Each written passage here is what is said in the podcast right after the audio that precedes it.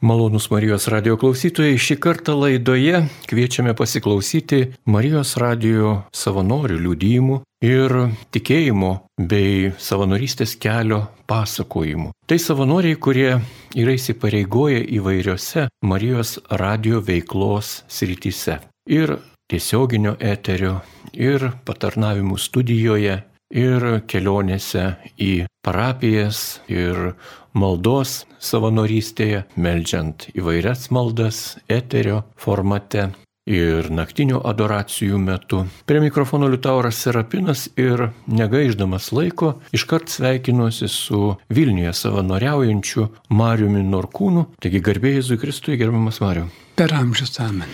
Jūsų savanorystė Marijos radijoje, ką reiškia jums, jūsų šeimai, jūsų artimiesiems? Nu, man pačiam pirmiausia tai tiesiog yra atgaiva. Po rožinio maldos, kaip su sparnais einu, svorio nejausdamas, kad ir kokios sunkios būsenos ateičiau. Tai jau, kaip sakyt, man čia jokių nuopelnų ta savanorystė, daugiau gaunu negu, negu aukoju kažko. Na, kartais žmonės įvairiai vertina mūsų rožinį. Kai kurie klausytojai yra labai tokie akyli, jie stebi kiekvieną klaidelę, nepasibodė ir paskambint po tiesioginės transliacijos pasako, pavyzdžiui, kirčiavote ne taip. Jūs esate profesionalas vertėjas, kaip jūs žiūrite į tekstą patį. Sakykime, maldoje tekstas, jis gali būti laisvesnis ar tikrai turi būti labai kanonizuotas. Be abejo, gali būti laisvesnis, na tiesa, aš kaip vertėjas nesu profesionalas, va, bet tiesiog veikiau iš, iš kitų patirčių, tiesiog iš pačios maldos patirties. Net turiu tokią nuomonę, kad e, iš vis laisva malda, kai liesi iš širdies savomis mintimis, savais žodžiais, būtina žmogui. Na, o tos kanoninės, aišku, svarbu, kai draugė melžiamės, tai kad nebūtų skirtingai, kad ne, ne, ne, nepasidarytų netvarkos. Tiek tik dėl to. Be abejo, yra įvairių tradicijų ir netgi Lietuvoje, vienose kraštuose, vienoje parapijoje, sakykime, yra priimta sakyti amen po kažkokio tai kreipinio maldos, kitose parapijose nepriimta. Čia priklauso ir nuo patirties, ir nuo žmonių amžiaus, ir nuo ko kito. Ir iš tikrųjų tos maldos yra įvairios. Gerbiamas Mariau, Kokia malda jums yra pati tokia artimiausia širdžiai, duosiai? Sunku dabar pasakyti, nes nemažą maldų remiuosi, labai priklauso nuo nuotaikos, mėgstu trumpasias tas maldas, netgi aišku norėtųsi, kad niekada malda nesiliautų širdį, net ir bet ką veikiant, tai tada jau veikiau iš vis be žodžių būtų šita malda. Tai vad, kaip sakyti, norėčiau, kad jinai būtų mano širdžiai artimiausia, tik dėja negaliu pasigirti, kad, kad tokia nuolat vyktų. Tik siekiu šito. Tai va malda be žodžių, paprastoji malda taip vadinama. Mes gauname tam tikrų ir atsiliepimų, grįžtamojo ryšio apie transliacijas, kurias darome iš parapijų. Parapijose yra įvairių gėdojimų tradicijų, yra įvairių ir maldų, yra pagaliau ir metų laikų, ir gegužinės pamaldos, ir, ir kitokios, ir atlaidų ypatingos pamaldos. Kaip Jums atrodo, Mariu, ar Marijos radijas pakankamai atspindi tą visą įvairovę, kuri yra randama Lietuvoje katalikų bažnyčioje? Įvairių įvairiausių tradicijų formatais. Sunku spręsti, kadangi pats nelabai turiu laiko sekti visas transliacijas, tai nesiryšiu spręsti. Šiaip pati įvairovė iš tikrųjų būtina, tik tiek te galiu pritarti. Na ir ką jūs palinkėtumėte Marijos radio savanoriams, ką palinkėtumėte ir pats savo Marijos radio tolimesnėje veikloje? Tiesiog galbūt ištvermės, ištvermės draugės su Jėzumi, draugės su šventąją dvasia, su švenčias trejybė visa. Šitaip, mėly radio klausytojai, pradėjome laidą, kurioje savanoriai liūdės ir pasakos apie savo patirtį gyvenimo ir maldos. Čia kalbėjo Marius Norkūnas ir laidą tęsime toliau. Kalbiname kunigą Valdemarą Lisovskį ir norime jam užduoti keletą tokių tradicinių klausimų, kai kalbame apie Marijos radiją. Gerbiamas kunigė, Jūs ilgą laiką dirbate užsienyje, ne Lietuvoje, aptarnaujate Lietuvos piliečius, katalikus, turbūt ir ne tik Lietuvos piliečius. Kaip Jums atrodo, ar mūsų signalas Marijos radio pasiekia užsienyje gyvenančius katalikus, ar jie klausosi, ar jie klausosi kitų galbūt krikščioniškų radijų, kokia yra padėtis? Iš mano patirties Norvegijos devynerių metų beveik, tai tikrai žmonės klausosi Marijos radijos ir internetas visagalis ir visur esantis padeda šią Marijos radijos žinę ir tą katechezę perduoti žmonėms. Tai tikrai galiu paliūdyti, kad ne vienas žmogus džiaugiasi ir sakydamas, kad net ir tolimiausiame Norvegijos kampelėje galiu įsijungti internetą, galiu įsijungti Marijos radiją ir kelios galimybės. Pirmiausia, tai yra šventųjų mišių transliacijos. Nes Pavyzdžiui, tokioje šalyje kaip Norvegijoje atstumai didžiuliai katalikų yra 3 procentai, ne visada galima nueiti į katalikišką šventasias mišes, tai žmonėms, kurie išvažiavo iš Lietuvos, turėjo tą tikėjimo praktiką, tai yra toks, nors, nu, sakykim, dvasios gūsis arba tikėjimo gūsis, kad jie gali vis dėlto nors ir negyvai, nors ir tik tai dvasiniu būdu, bet jungtis šventų mišių aukoje. Tai aš manau, kad tas pirmas dalykas buvo labai svarbus. Po to maldos. Rožančiaus malda, gailestingumo vainikėlis, tai buvo tie dalykai, kur tu, kad ir būdamas vienas, galbūt neturi su kuo pasimels, bet tu įsijungi radiją, tu žinai, kad tu esi tikinčių bendruomenės maldoje, bendroje maldoje. Tai va tas dalykas buvo nuostabus. Ir aišku, kitos laidos, kurios būdavo katechezės arba kažkokie pokalbiai arba, sakykime, kiti dalykai, kur žmonės ne visada galbūt užduodavo klausimą man, nes aš vienas visko nespėdavau, tai Marijos radijas buvo irgi toksai pagalbininkas, katechizmas, katechizatorius, kuris žmonėms padėjo. Tai tikrai ne vieną liūdimą gražų esu išgirdęs, kad ir tolimiausiose kampeliuose Marijos radijas yra svarbus.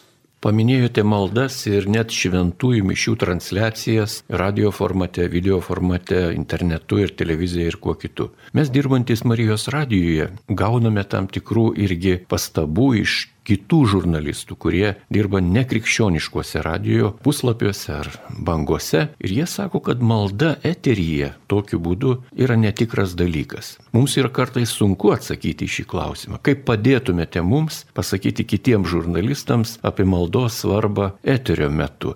Jie dažnai mums ir sako, tai ne eterio formatas. Malda yra imtimų asmeniška ir ką kita. O mes melžiamės eterį. Aš manau, kad turime atkreipti dėmesį į du skirtingus, galbūt ideologinius dalykus, nes mes kartais susidurėme šio laikinėme pasaulyje, kad malda tai yra labai asmeniška ir intimu, vadinasi, tavo tikėjimas turi būti sukištas giliausiai tavo širdyje ir nedaug Dieve niekur neparodytas viešai, kad tu ten iškunkuliuotum tą savo santykių su Dievu taip giliai, kad ant veido net nepasimatytų. Bet aš manau, kad tai yra tikrai pavojingas dalykas, nes tikėjimas, tai kaip kalbame apie šventosios dvasios veikimą, tai kas yra tavo širdėje viešpatės maloniai turi spinduliuoti ir šventosios dvasios veikimo dėka mes pradedame būti matomi.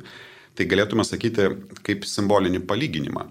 Jeigu toks žurnalistas turi kokį labai brangų žmogų, sakykime, nežinau, sunus dukra, galbūt galia tėvas, motina kitame pasaulio gale, kai yra galimybė susitikti gyvai, atskrydo, apsikabino oro uoste, apsiverkė, pasibučiavo, įglėbi vienas kitam puolę. Tai yra nuostabus dalykai. Ir mes galėtume sakyti šią prasme, ateimas į šventasias mišes gyvai dalyvavimas šventų mišių aukoje, komunijos šventosios prieimimas, realus buvimas, galvos linktelėjimas per ramybės palinkėjimą, tai yra tas, na, aukščiausia forma, galėtume sakyti, tas tikrasis dalyvavimas šventosiuose mišiuose.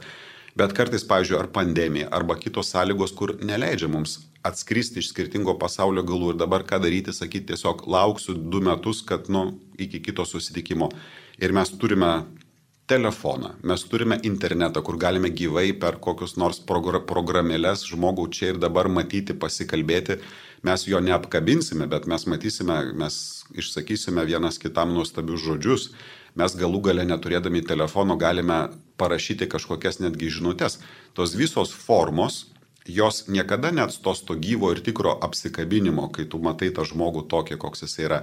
Bet visos kitos formos veda prie to, kad neatšaltų tas santykis, kad jisai būtų toks, koks dabar yra įmanomas. Ir aš galvoju, pavyzdžiui, Marijos radijos klausytojai, kurie galbūt yra vyresnio amžiaus, kurie gyvena toli Lietuvos arba užsienio kaimuose, kur iki bažnyčios yra toli nueiti, kad jie turėtų tą dvasinį peną, kad progai esant arba galimybėj pasitaikius jie ateis į šventasis mišes, bet jie išgirsta Dievo žodį reguliariai, jie bendroje maldoje yra Tai aš manau, kad čia negalima sakyti juoda balta, čia yra tiesiog įvairūs būdai. Ir negaliu sakyti žmogui, kuris negali ateiti gyvai ir manęs apkabinti, tai tada neskambink.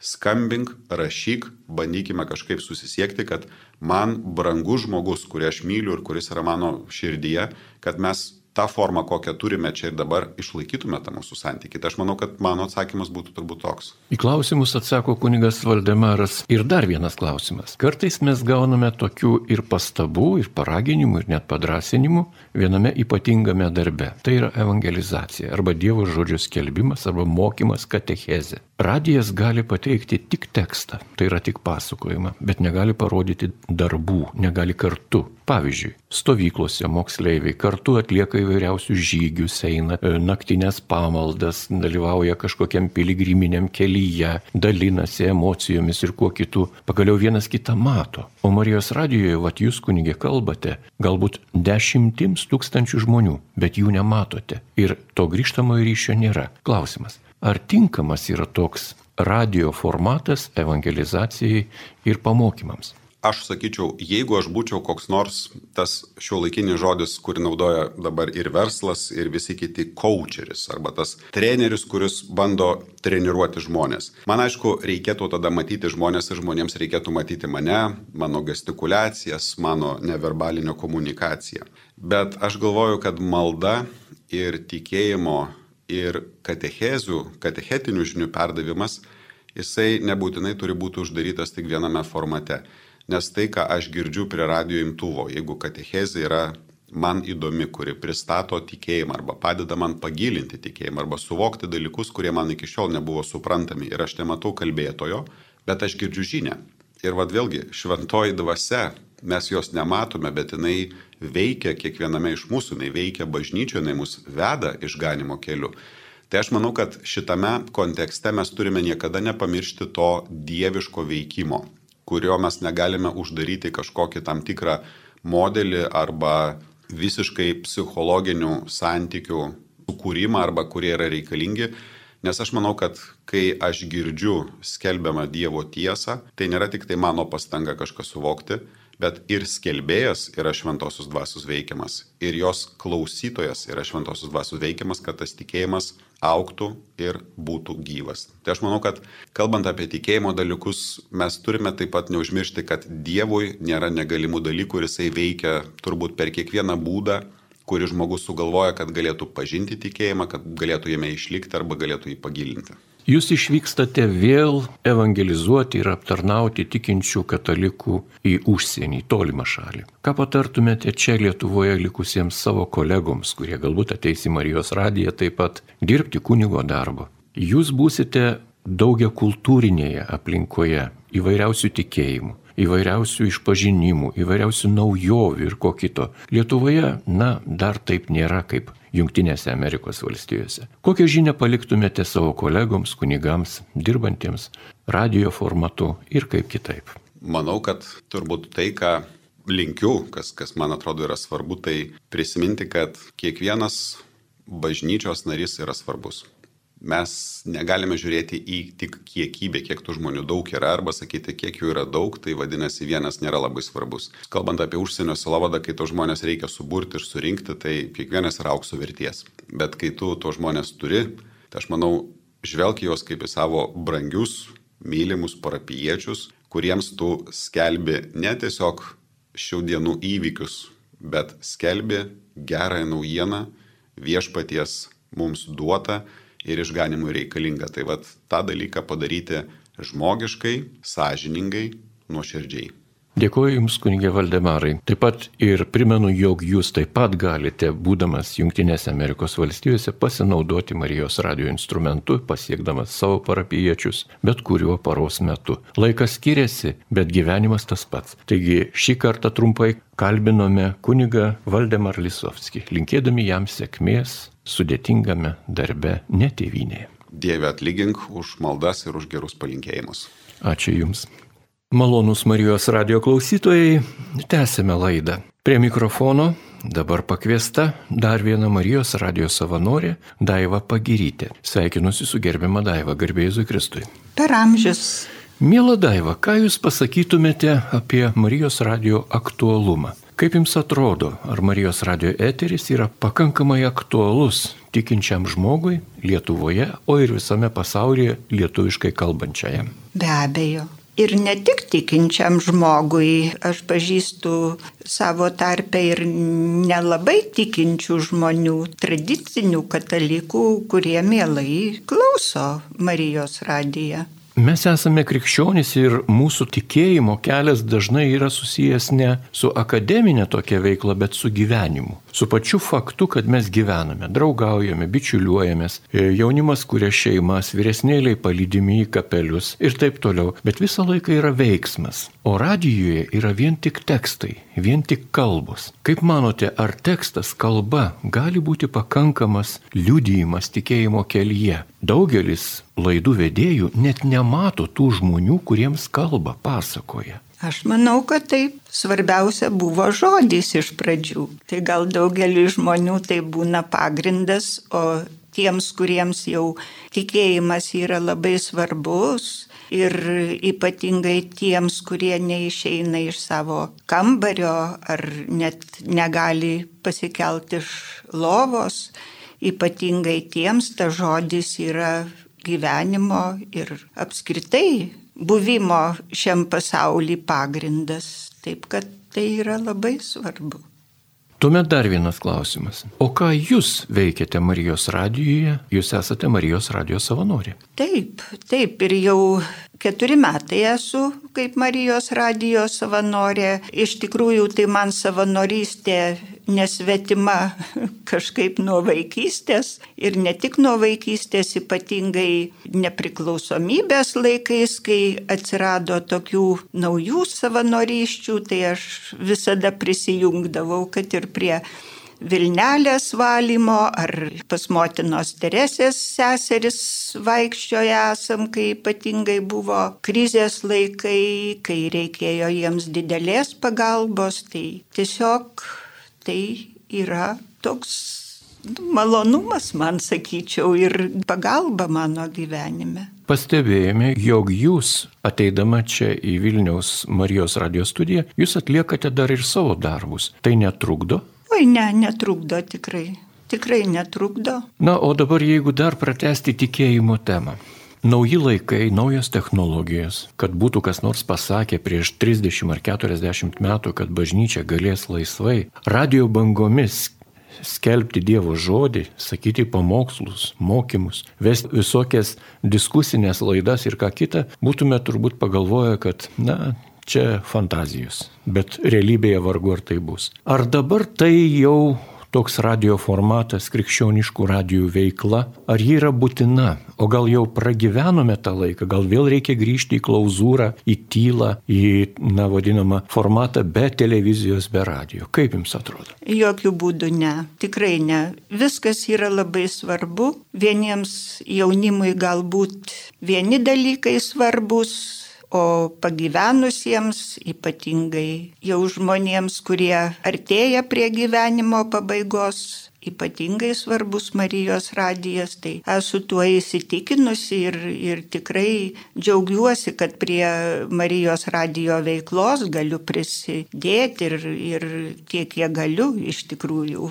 Norėčiau ir daugiau, bet dėja yra kaip yra. Na ir dar vienas klausimas. Turime patirti tokią, jog krikščioniškų radijos stočių, ne vien tik katalikų, bet ir kitokių yra Lietuvoje. Ir ne viena, ir ne dvi. Bet televizijų nėra. Kaip Jūs manote, gerbiama Daiva, kodėl nėra televizinio formato, o lietuviams užtenka radio formato arba internetinio? Radiju? Na, tiesiog radijas yra labiau įprastas dalykas, kurį gali klausyti visur ir visada, o televizija jau reikia kažkokio kito formato, ta prasme, kad reikia skirtam ir laiką, nes iš tikrųjų vaizdas atima daugiau laiko, jeigu tu nori tą matyti. Žodžiu, aš manau, kad radijas dar tikrai gyvuosiantis ilgai. Na ir jūsų palinkėjimas savanoriams, Marijos radijo talkininkams, juos galima būtų pavadinti net ir kariniu tokiu terminu prievolininkams.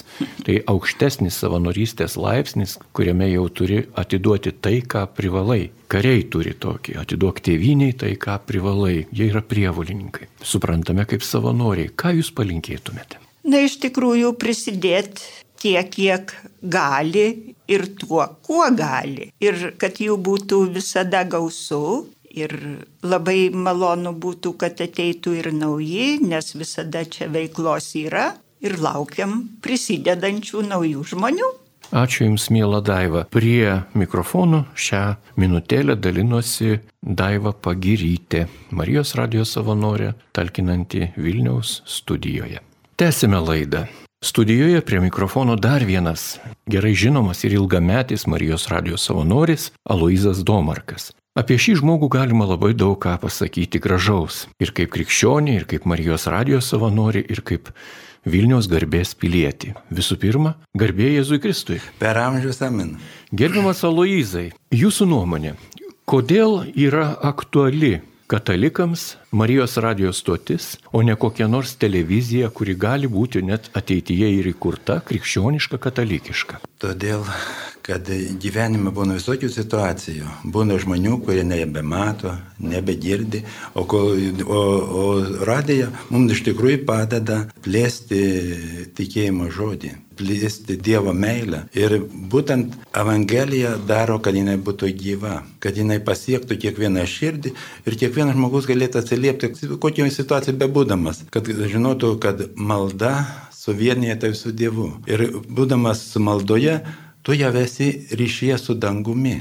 Jeigu tu meldiesi širdimi, tu tuo pačiu metu esi ryšyje vienybėje su Dievu, esi su Jo karalystė. Todėl yra be galo svarbu gauti tą gyvą tikėjimą, neformalų, ne tai nubėgti kažką atlikus pareigą, bet uh, gyvą tikėjimą. Ir aš galiu pasakyti, kodėl savanoriauju, būtent kaip mane motin Marija pasižadino iš miego, taip sakant, 1984 metais, lapkričio mėnesį ir kad teko būti susitikti su ją, turiu didžiųjų patirčių, Tai tada, kai paprašė mane 1989 metais lapkričio mėnesį parašyti pareiškimą, išeiti iš darbo iš universiteto, buvo mokslinis darbuotojas, tris dienas pamaščiau ir parašiau, nors nežinau, ką darysiu, paskiau 12 metų, kai nusintė man darbuotis viešpats į Santariškės, lygiai gražiai atsatinėjau Vilnius kalvarės, lygiai 12 metų. O po to, kai pabaigėm kalvarės, įsijungiau į Marijos legioną gretas, apaštalavimą, ligonių lankymas, o galiau atėjo laikas, kada buvo čia pasiūlymams, kad norėjau Vilniui, kur turėti savanorių ir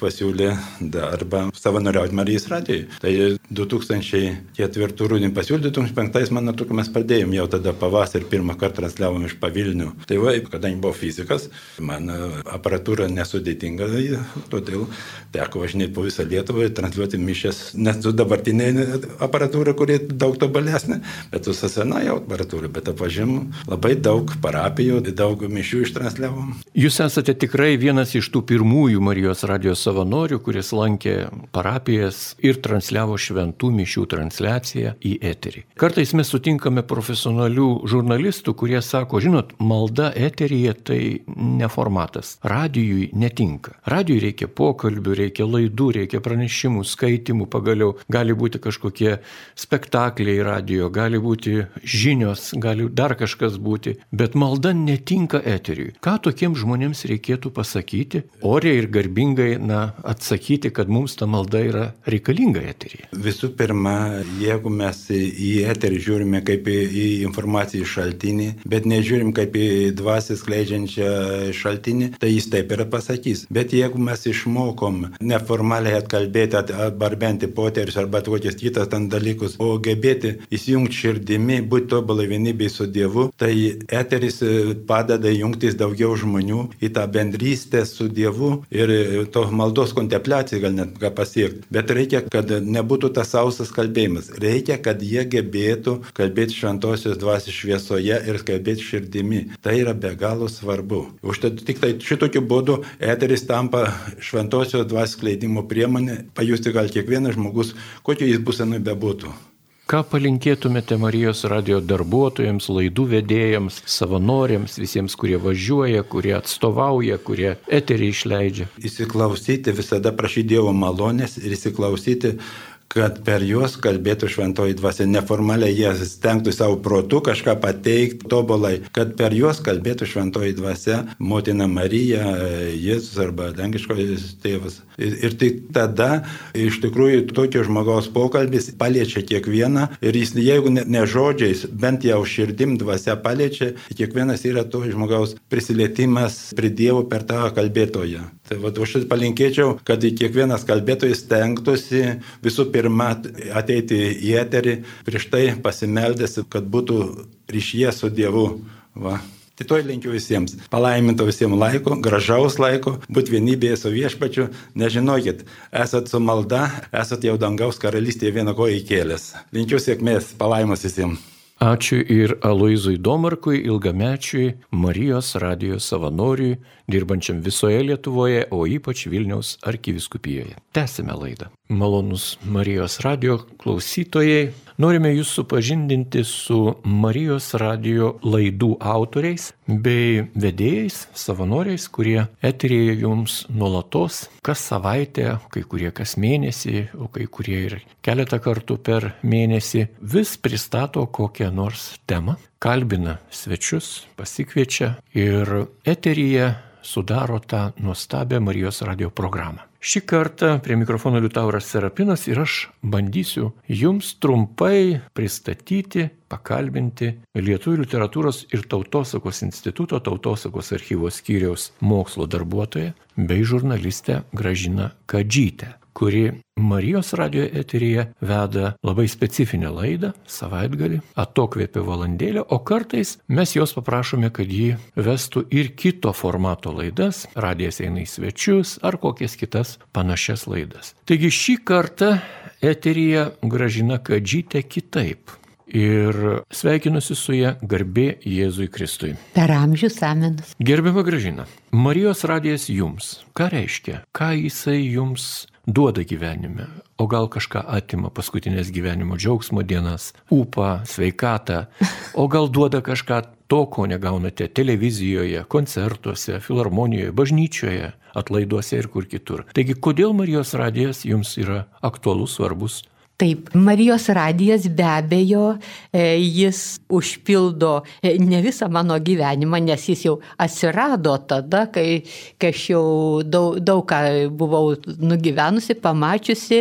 Ir ateidama į Marijos radiją, aš atrodo kažkada ir sakiau, atgaunant nepriklausomybę pas mano mielą dėdę, mamos pusbrolį, traupio parapijos klebonas Steponą Galvidį, kai susirinkdavo vadinamąjį pakunigiai po kerų Karmošiaus po atlaidų, tai yra nekartą sakę, na, mesk tu čia tas visas žurnalistinės, nes aš baigusi žurnalistiką, blaškimusi ir eik ten, kur tau priklauso. Sakydavau, kur man priklauso, į katalikišką spaudą. Ir aš tada ramiai atsakydavau, o palaukit, katalikiškoje spaudoje tikrai yra ir kunigų, ir žmonių, kurie geriau išmano e, tuos teologinius dalykus už mane, o gal aš savo tokiom elementariom žiniom žiniom, gal verčiau pasidalinsiu per įvairią visuomeninę spaudą su tais, kurie galbūt tiek pat, kiek aš išmanau, kit gal truputėlį ir mažiau negu išmano. Bet ateina viskam laikas, subręsta.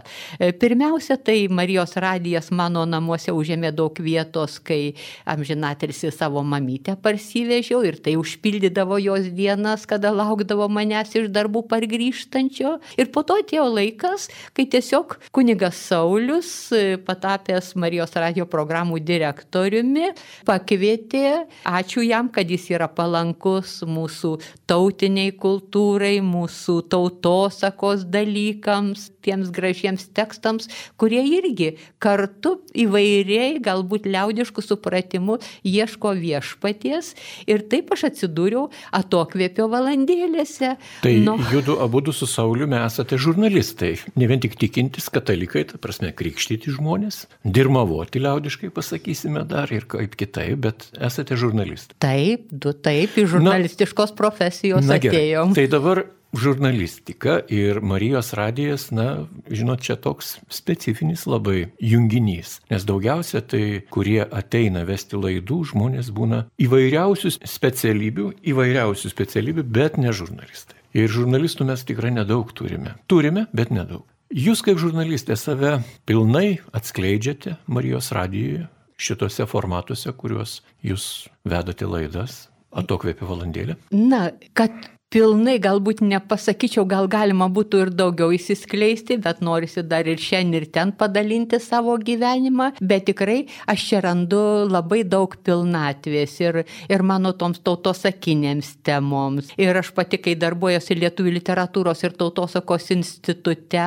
ašgi matau mano kolegos ir literatūros tyrinėtojai, literatūrologai, ir folkloristai, ir etnologai, jie įvairiuose temose darbuojasi darbuojasi, atranda kai ką įdomaus ir kai kas, staiga pamatome, kad tinka ir Marijos radijui.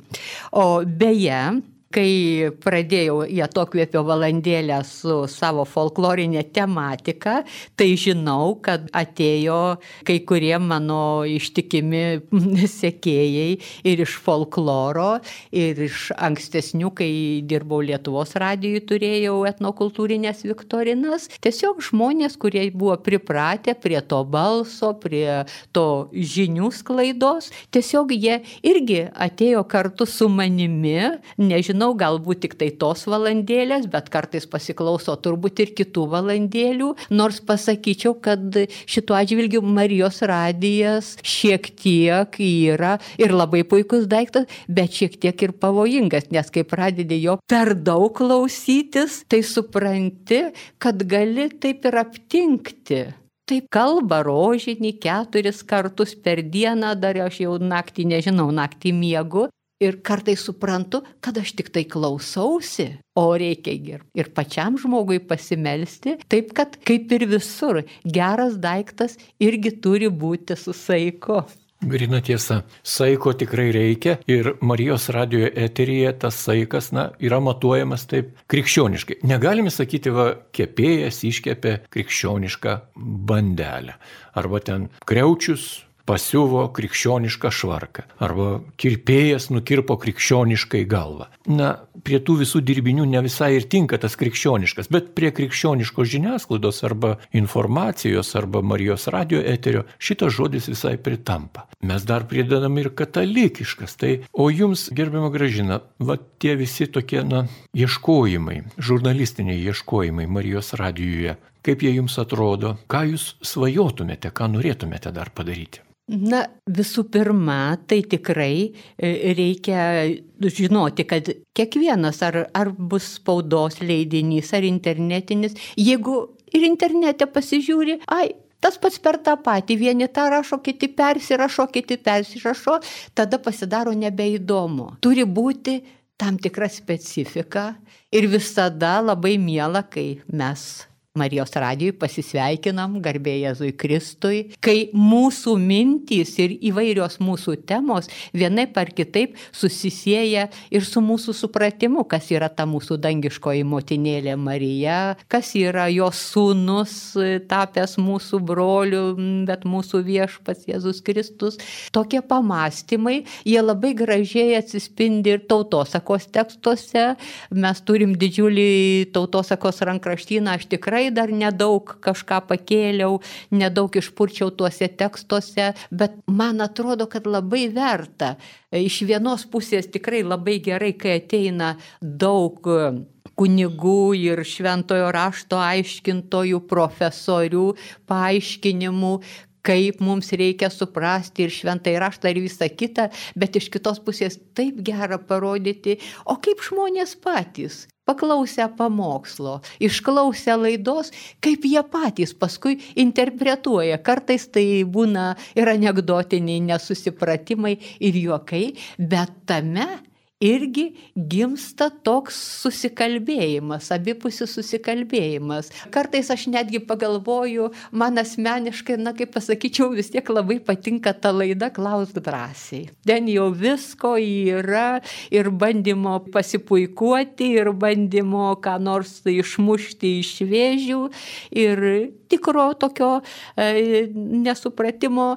Ir kartais tai būna, kad ne vienodi lygmenys klausiantysis ir tas, kurio klausia, ne visada taip jau adekvačiai atsako, vienas supranta truputį taip, kitas taip, galvoju, kartais labai gražu ir galėtų dažniau taip įsiterpti, gal net galėtų kartais būti toje laidoje dar koks nors, nu, paprastas pasaulietis žmogus, netgi teologijos studijų nestudijavęs, kuriam kartais būtų leista įterpti savo trigrašį. O man tai atrodo taip ir paskui galima aptarti, o kaip atrodytų taip ar kitaip. Be abejo, visada džiaugiuosi išgirdus jaunų žmonių, tik tai norėčiau, kad jauni žmonės tiesiog jie nebijotų būti savimi nebūtų taip jau susikaustę, kad taip aš dabar išmokau, tai aš kaip pamoką ir pasakysiu tą. Bet tiesiog nebijokime ir suklysti, ir kad tarkime, kad ir pasakys, na jau, na jau nusikalbėjom čia dabar į lankas, bet yra toks dalykas. Kartais aš pati su moksleiviais, su studentais, kai kalbuosi, e, sakau, paklauskite, aš čia kalbu tai, kas man labai svarbu, įdomu, bet gal jums kas nors kita įdomu, o aš nepagalvosiu pagalvosiu ir nepasakysiu. Ir tokia tyla. Ir tada sakau, bet man atsivėrė visas tas žurnalistinio bendravimo gražumas tada, kai aš supratau, kad ir kvailiausias klausimas gali kartai suteikti paskatų labai rimtiems, labai protingiems apmąstymams, ieškant tinkamo atsakymo. Taigi, Marijos radijas, aš džiaugiuosi tuo, kad jame yra leidžiama ir, ir suklysti, ir pasikartoti nėra taip jau nuzulinta, kad tik tai taip, minutė į minutę, žodis į žodį, viską sudėjom, labas ir sudėjau. Ne, vienos laidos truputį ilgesnės, kitos laidos truputį trumpesnės, kartais lauki savo laidos, kurios reikia, o dar ten truputėlį prasitęsia kitą laidą. Na ir kas? Ir tada supranti, gerai, paugdysime savo kantrybę arba kokią nors kitą dorybę. Tad toks abipusis palankumas ir iš tų, kurie mus pakviečia į tas studijas, tai net ne abipusis daugiaplanis. Ir iš mūsų, kurie iš studijų belčiamės į jūsų namus, ir iš jūsų namų, kuriuos tikime, kad jaučiame, kad yra tas palankumas, tai šitas daugiaplanis palankumas Marijos radijo dirboje tegu tik tai klesti ir žydi kuo gražiausiai žiedais. Labai Jums dėkojame už tas laidas, kurias Jūs padarote ir pakviečiate kitus žmonės kartu su Jumis atvykti. Priminėte tikrai tokią slaptą tiesą, kad Marijos radijas tai ne laikrodžiams nusistatyti, o širdžiai atstatyti. Ir tikrai dėkojame už tą širdies ritmą, kurį jūs, gerbiama gražina, dalinate klausytojams, dalinate visiems, kurie prijaučia Marijos radijo tiekmiai, kurie jaučia, supranta aktualumą šios radijos stoties ir jos kitoniškumą nuo kitų radijos stočių. Ir linkime jums kuo gražiausių, kuo nuostabiausių metų įkvėpimų, žurnalistinių, tyriamųjų ir istorijos pateikimo įvairiausiais būdais. Taigi šį kartą trumpai jums pristatėme Lietuvų literatūros ir tautosakos instituto tautosakos archyvos skyriaus mokslo darbuotoją, žurnalistę Marijos radio laidos vedėją Gražiną Kadžytę. Malonus Marijos radio klausytojai, jūs girdėjote laidą, kurioje savo patirtį, savo maldos gyvenimą, savo krikščionišką gyvenimą, savanorystės džiaugsmą šį kartą šioje laidoje atskleidė Marijos radio savanoriai. Jos kalbino Liutauras Serapinas, likite su Marijos radiju ir toliau.